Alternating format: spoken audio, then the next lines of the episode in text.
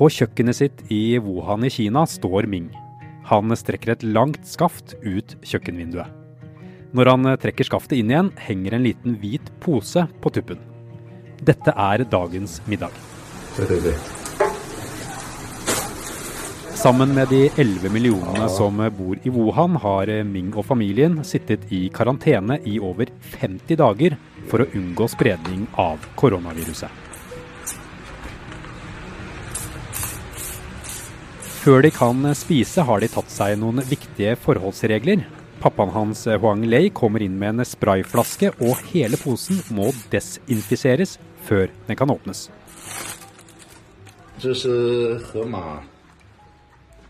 Ingen hadde ventet at hele byen skulle bli satt i karantene. Nå havner innbyggere i mange land i verden i samme situasjon. Dette er forklart fra Aftenposten. Jeg heter Andreas Bakke Foss, og i dag er det torsdag 12. mars.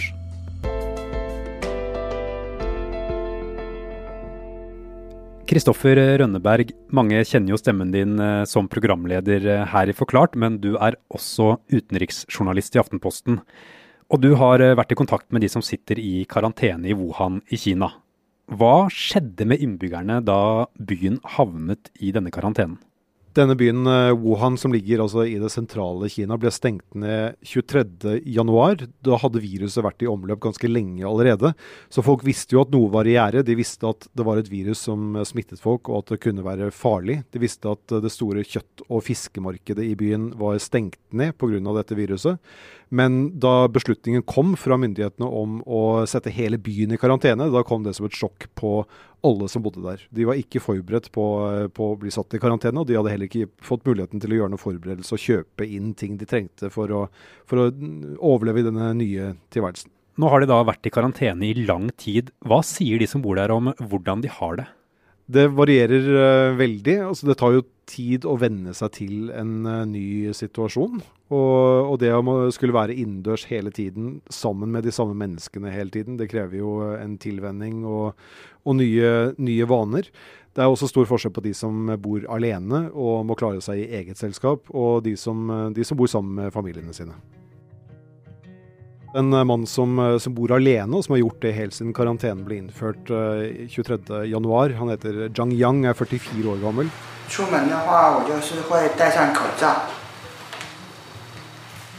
Zhang han produserer lærprodukter som han selger på internett til uh, kunder over hele Kina. Og det har blitt et problem for ham, fordi folk vil ikke ha noe som er laget i Wuhan. Så han uh, sitter nå hver dag og lager massevis av disse produktene. Og det, det blir så store hauger av det rundt i leiligheten hans, fordi han får ikke solgt det ennå. Han håper å få gjort det etterpå. Men der uh, sliter han med, med dårlig inntekt. Og han har ikke spart opp noe særlig fra før heller. Så uh, da, Zhang, uh, da, jeg, da jeg spurte ham, så sa han at han, han, håper at dette går over snart, for nå har han ikke noe mer oppsparte penger igjen. Vi kan jo bare se for oss selv eh, det å være nærmest innesperret i sitt eget hjem i så mange dager. Hvordan har kineserne organisert seg for å få tak i nødvendige ting som mat og medisiner i en sånn situasjon? Det som har eh, skjedd i, i byer som f.eks. Wuhan, da, er at uh, nabolag har slått seg sammen uh, på grupper i sosiale medier, hvor de snakker sammen og finner ut av hvem som trenger hva. Og som regel så, det, Dette varierer litt fra nabolag til nabolag, men som regel så er det sånn at de får lov til å gå utendørs. Én person fra husholdningen får lov til å gå utendørs en gang i uken. Og da har hele nabolaget gått sammen og sagt at vi trenger disse og disse varene, og så går man ut på gaten og henter det man har bestilt gjennom dette kollektivet i, i nabolaget. Så man har fått liksom, nye enheter eh, lokalt i, i, disse byene som går liksom utenfor hva myndighetene gjør og, og, hva myndighetene bidrar med av hjelp. Og folk uh, klarer seg selv, men med hjelp fra da andre naboer. Vi har sett bilder av eh, at matvarer og andre typer varer står på fortauene. Er det sånn at de leveres der, eller går folk eh, på butikken? Noen eh, får også hjemlevering, hvor ting blir plassert utenfor, utenfor, døra deres eller utenfor vinduet deres, som vi hørte et eksempel på. Men de aller fleste de, de går ut på gaten utenfor supermarkedene og henter ting som står der. Fordi de vil helst ikke inn, for å, fordi da øker jo faren for å bli, for å bli smittet. Men du snakker om eh, organisering på sosiale medier og at eh, naboene hjelper hverandre. Hva gjør myndighetene for å hjelpe til? Det er stor forskjell på sentrale myndigheter og lokale myndigheter. Sentrale myndigheter har bidratt med å sende masse helsepersonell inn, pluss at de tok denne politiske beslutningen og praktiske beslutningen om å stenge byen inne for å liksom, holde viruset under kontroll der. Og Det har jo forhindret en del uh, smitte, sannsynligvis, fra, fra, Wuhan og fra den regionen som, som byen ligger i. Ellers så hører jeg fra folk jeg har snakket med der, at de ikke syns at de får nok informasjon fra lokale myndigheter. At de ikke hører nok om hva de skal og ikke skal gjøre. De er helt avhengig av å, å lytte til hverandre og, og, gi hverandre råd. Men fra myndighetene så er det mange som, som syns at de ikke har fått eh, nok. Det er ikke bare i Kina innbyggerne nå havner i karantene for å unngå smittespredning. Mandag stengte Italia nærmest ned hele landet, og også her i Norge må stadig flere holde seg hjemme i karantene. Vi er straks tilbake.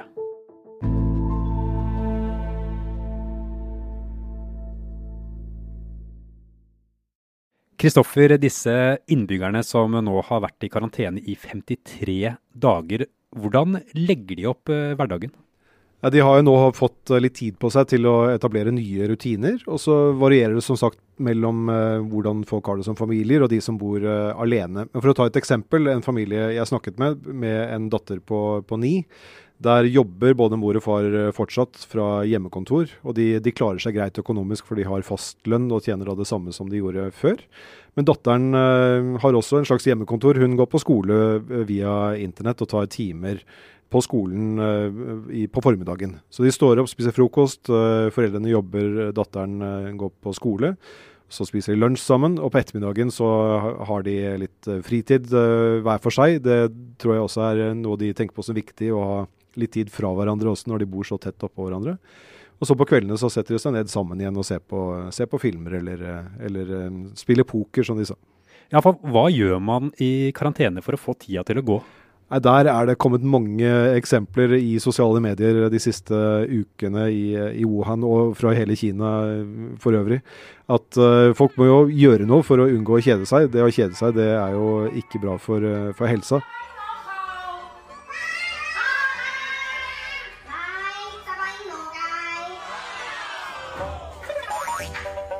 Så eh, man ser eh, eksempler på folk som fisker i sine egne akvarier, eller at de spiller pingpong på, på kjøkkenbordet. At de, at de, eh, kommuniserer med hverandre på tvers av boligblokker. At de kan danse, gjøre dansebevegelser i én boligblokk, og så ser du i, gjennom vinduet i naboblokka at noen svarer på den dansebevegelsen der.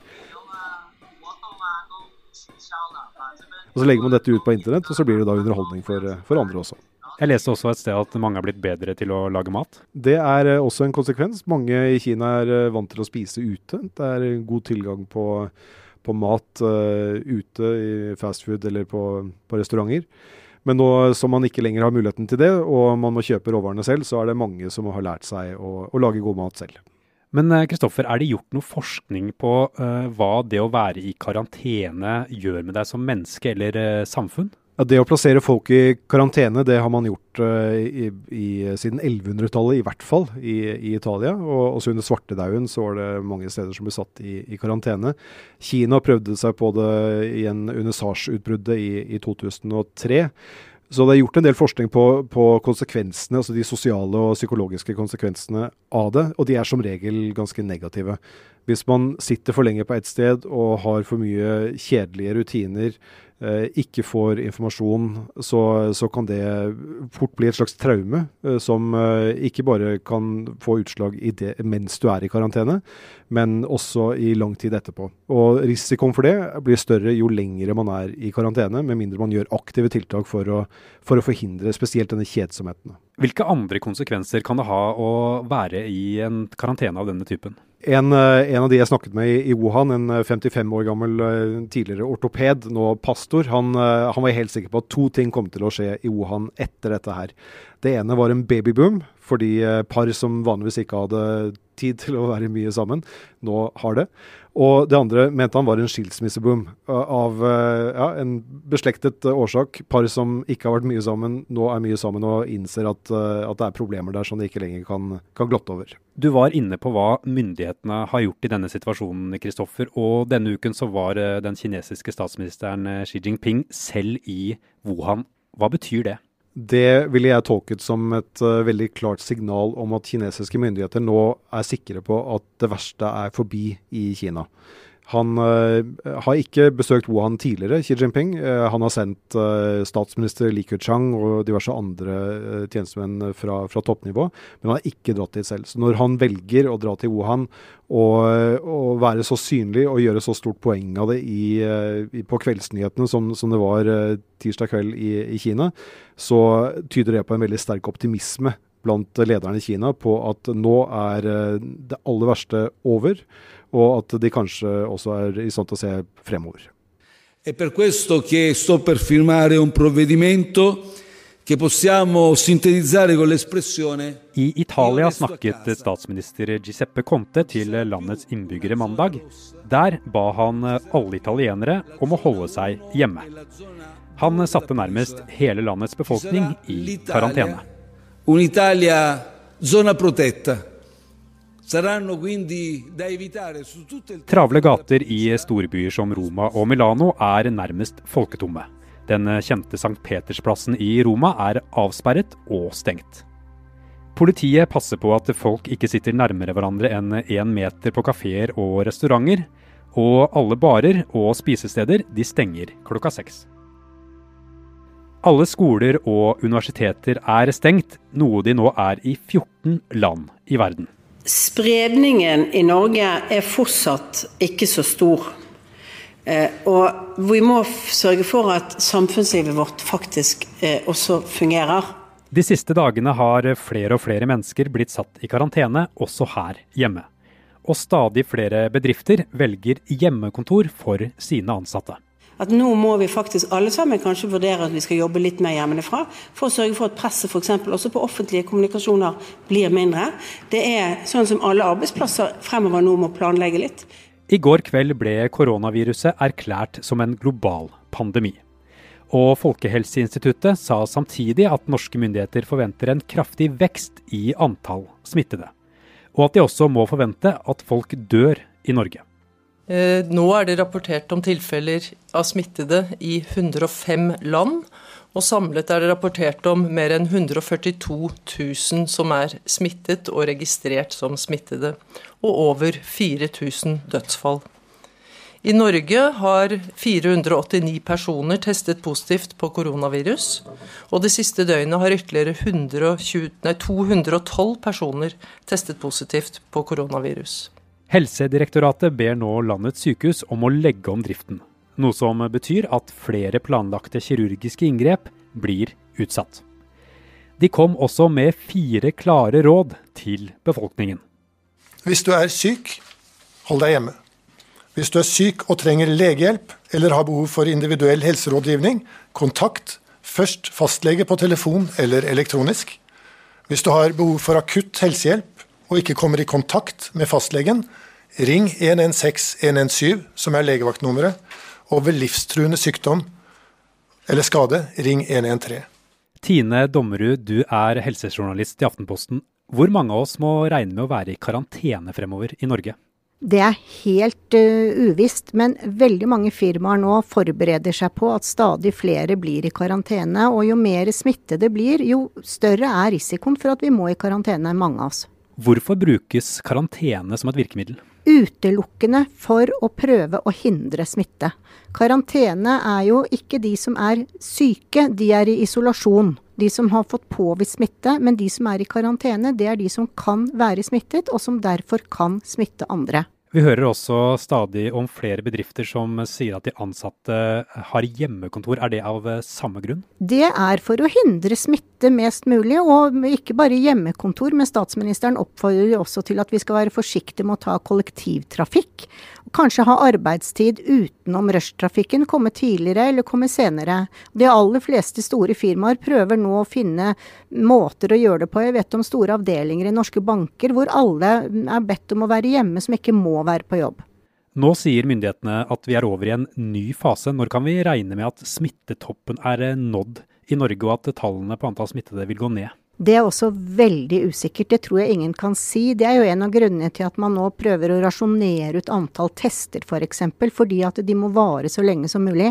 Helseminister Bent Høie sa i Stortinget på tirsdag at hovedbølgen av epidemien vil være i gang og kanskje vare i et års tid.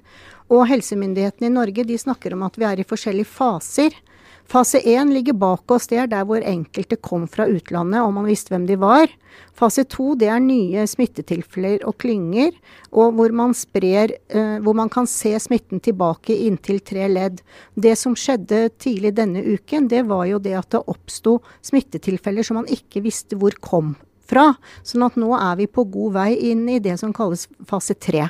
Hvor lenge må vi regne med at uh, deler av den norske befolkningen sitter i hjemmekarantene? Vil det vare f.eks. helt fram til høsten? Vet du Andreas, Det er dette man sitter og sliter med i helsemyndighetene og på statsministerens kontor og overalt. Utfordringen med den situasjonen vi er i nå, det er at den endrer seg fra dag til dag. Man vet ikke hva som kommer rundt eh, neste sving. Og når helseministeren sier det at man kan risikere å være i en situasjon med denne sykdommen og epidemien i et år, så kan man jo selv tenke seg hva vi kan risikere å måtte forberede oss på.